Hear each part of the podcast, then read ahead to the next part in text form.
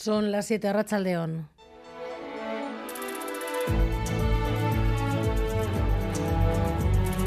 Gambara con Arancha García.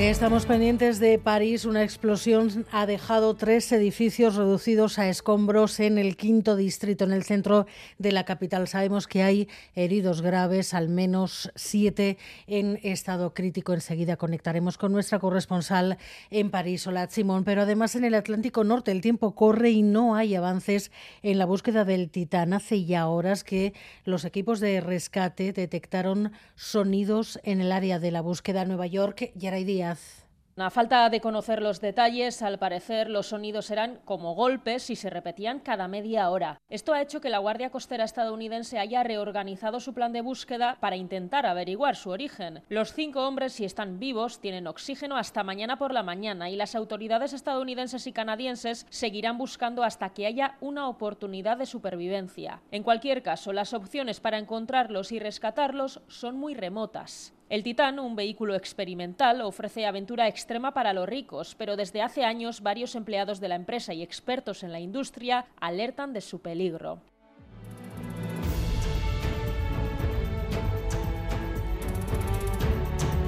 Tenemos ya a Olatz Simón con nosotros, a Rachaldeón. Olatz. A León. Bueno, decíamos que una explosión, al parecer una explosión de gas ha derruido varios edificios en el centro de la capital. Sabemos que hay heridos bastantes en estado crítico. ¿Cómo es la, ¿Qué es lo que ha pasado y cuál es la situación? Sí, los bomberos han confirmado que un solo edificio se ha derrumbado en su fachada, un edificio de tres pisos a causa de esta explosión de gas. Parece que es un centro de música, una escuela de música. Eso sí, los edificios de alrededor se han quedado sin cristales por la onda expansiva de la explosión. Según el balance provisional, hay 16 heridos, siete de ellos eh, graves y nueve de ellos eh, no tan graves. Los los heridos que no han sido trasladados al hospital los están atendiendo aquí mismo, donde me encuentro, en los bares cerca de este lugar de la explosión. El perímetro es cada vez mayor, cada vez nos retiran más la policía y los bomberos. El gas se sigue oliendo en, toda la, en varias manzanas, así que por motivos de seguridad nos echan ahora mismo hacia atrás. Veo cómo atienden a esos heridos. Siete de ellos, como digo, han sido trasladados a hospitales. ¿Sabéis algo de las causas? parece que se confirma que ha sido que ha sido el gas, pero oficialmente hay alguna versión oficial de lo que ha pasado, No, en unos minutos va a hablar la fiscal. Se ha abierto una investigación eh, por daños involuntarios. Eh, perdón, eh, que nos alejan más. Se ha abierto una investigación, pero no hay ninguna causa confirmada. El olor a gas y los propios bomberos que confirman que ha sido una explosión de gas son las únicas informaciones que hay de momento. El hecho de que estén ampliando el perímetro podría suponer que puede haber riesgo de nuevas explosiones o todavía es muy, muy pronto como para decir algo así. Pues yo no sé si es pronto o no, pero desde luego es algo que he visto en más ocasiones. Primero se establece un perímetro, se empieza a acumular la gente, no solo periodistas, sino también curiosos, y empiezan a alejarnos más. Lo que sí me llama la atención es que aún haya heridos que están siendo atendidos tan cerca de ese primer perímetro. Nos decías que el edificio afectado por esta explosión es una escuela de música. Eh, tal vez habría alumnos, eh, niños, eh, menores. ¿Sabéis algo de, qué tipo de alumnos podrían estar en esta escuela? información. Nos sí han explicado que hay eh, otras escuelas que están cerca, dentro del perímetro. Aquí los niños salen entre las 3 y las cuatro y media de la tarde. Eh, es más, hoy es miércoles y hay el, casi el 100% de las escuelas no tienen clase por la tarde. Acaban las clases a las once y media, así que dudo que al menos en las escuelas alrededor hubiera eh, ningún niño dando clase en esos momentos. No ha trascendido de momento la edad ni ni ningún dato más sobre los heridos. Los que yo veo, los que os digo que están atendiendo aquí en, las terrazas de algún restaurante, son adultos. Pues gracias, Hola Simón, en directo desde París por esa explosión de gas. Gracias y seguimos en contacto. Es que ricasco. Agur. Última hora desde París. Vamos a seguir muy pendientes de lo que suceda. Explosión de gas en el quinto distrito, varios heridos, algunos de ellos grave, puede que en, estado crítico. Un edificio, al parecer una escuela de música reducida a escombros y daños en los edificios adyacentes. EH Bildu, entre tanto, mantendrá definitivamente la alcaldía de Bermeo. Nadia Nemes Solmali sustituirá al dimitido Asier Larrauri. Ha habido acuerdo esta tarde con la plataforma Gusan David Beramendi. Sí, ya es definitivo. Nadia Neme Somali, número 2 de la lista de EH Bildu, será la nueva alcaldesa de Bermeo. EH Bildu y la plataforma local Guzan han cerrado ya el acuerdo y al final, tras la dimisión de Asier Larrauri, EH Bildu mantendrá la alcaldía. Xavier Ortúzar, Guzan. Pues ganas, ganas de llegar a este acuerdo, que ya teníamos ganas de trabajar con normalidad eh, la sensación es satisfactoria, muy positivo. Hemos salido de ahí con mucha energía, con ganas de, de trabajar. Niega crisis alguna. El reparto de competencias en el futuro tripartito navarro ahí siguen callando entre tanto las negociaciones entre los socios Guero Abay se resiste al planteamiento del PSN de reordenar el peso entre los eh, componentes y por eso no han acudido a la reunión de hoy, aunque se anuncia otra reunión el lunes quieren eh, negociar y dialogar sobre la representatividad institucional y tener el mismo peso y nosotros ya hemos dicho que podemos hablar, podemos dialogar, pero el acuerdo y los acuerdos se tendrán que realizar a tres porque los 21 votos son necesarios para llevar a cabo el futuro gobierno de Navarra. En Gambar, a partir de las 8, María Solana, una de las integrantes de la delegación de Gueroa en esas negociaciones y nuevo capítulo en la estrategia de pactos entre PP y Vox. Núñez Feijó ha tratado de explicar por qué no pueden pactar con Vox en Extremadura, pero sí en Valencia, en Castilla y León y en decenas de ayuntamientos. La diferencia, según el presidente del PP, está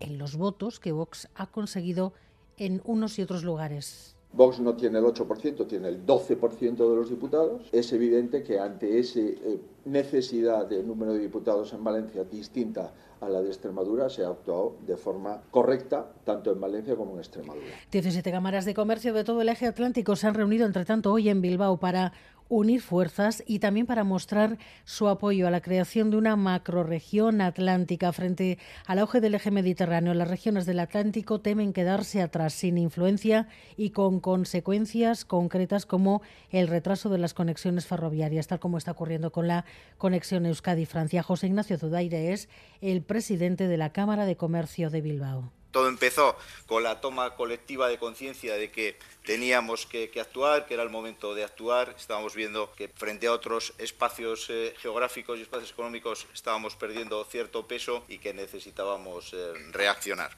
Y el Departamento de Seguridad ha puesto ya sobre la mesa sus nuevas propuestas para tratar un acuerdo con los sindicatos de la Archancha que a las puertas del Tour intensifican sus movilizaciones. Habrá reunión en unos días. Los sindicatos, desde luego, ya, entre tanto, ya adelantan que la oferta del Departamento de Josué Coreca les parece insuficiente y la huelga feminista general en Euskal Herria ya tiene fecha, será el próximo 30 de noviembre. Las mujeres ya no vamos a sostener más los cuidados. Las instituciones tienen que escuchar esta esta reivindicación y toda la sociedad en su conjunto. Además, otra tarde pendientes de la lluvia y el granizo en Urbasa.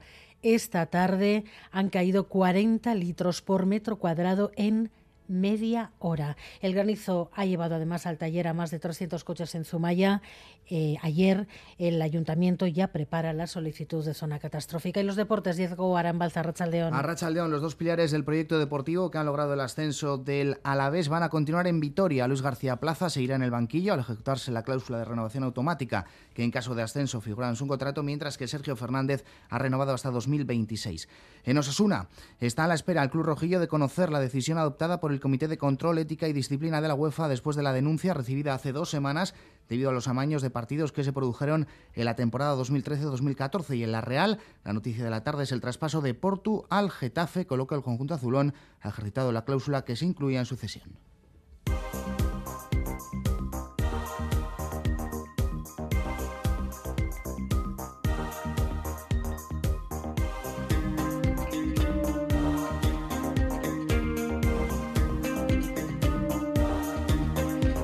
75 euros la noche con vistas al mar en Donostia. Es la contra de Xavier Madariaga. Todavía se sigue anunciando en un conocido portal de reservas como la Ambucamper. 75 euros la noche con terraza y vistas al mar en Donostia, dicen. Y tanto que terraza y vistas, como que la tenían aparcada en pleno paseo nuevo de la capital guipuzcoana. Acompañados por esta música chill, dos chicos con pintas surferos, birras en mano, presentan la Ambu Camper, que no es más que una antigua ambulancia camperizada, con su mesa y bancos corridos convertibles en cama doble, cocina integrada e inodoro portátil. Todo con mucho gusto y en un emplazamiento de película. Pero el chollo puede salirnos caro, como a un turista holandés que se ha dejado 450 euros por su experiencia en Bucamper. De madrugada los municipales se han acercado a ver si alguien estaba pernoctando allí, sin permiso, y efectivamente el turista holandés disfrutaba de una de sus noches en Bucamper. Para colmo, el vehículo no tenía seguro obligatorio, por lo que se ha retirado al depósito municipal. Aquí termina la aventura. Por cierto, vemos en Booking que el Ambucamper no tiene ya disponibilidad ni en julio, ni en agosto, ni en septiembre. Igual les toca ir cancelando reservas o proponiendo emplazamientos alternativos.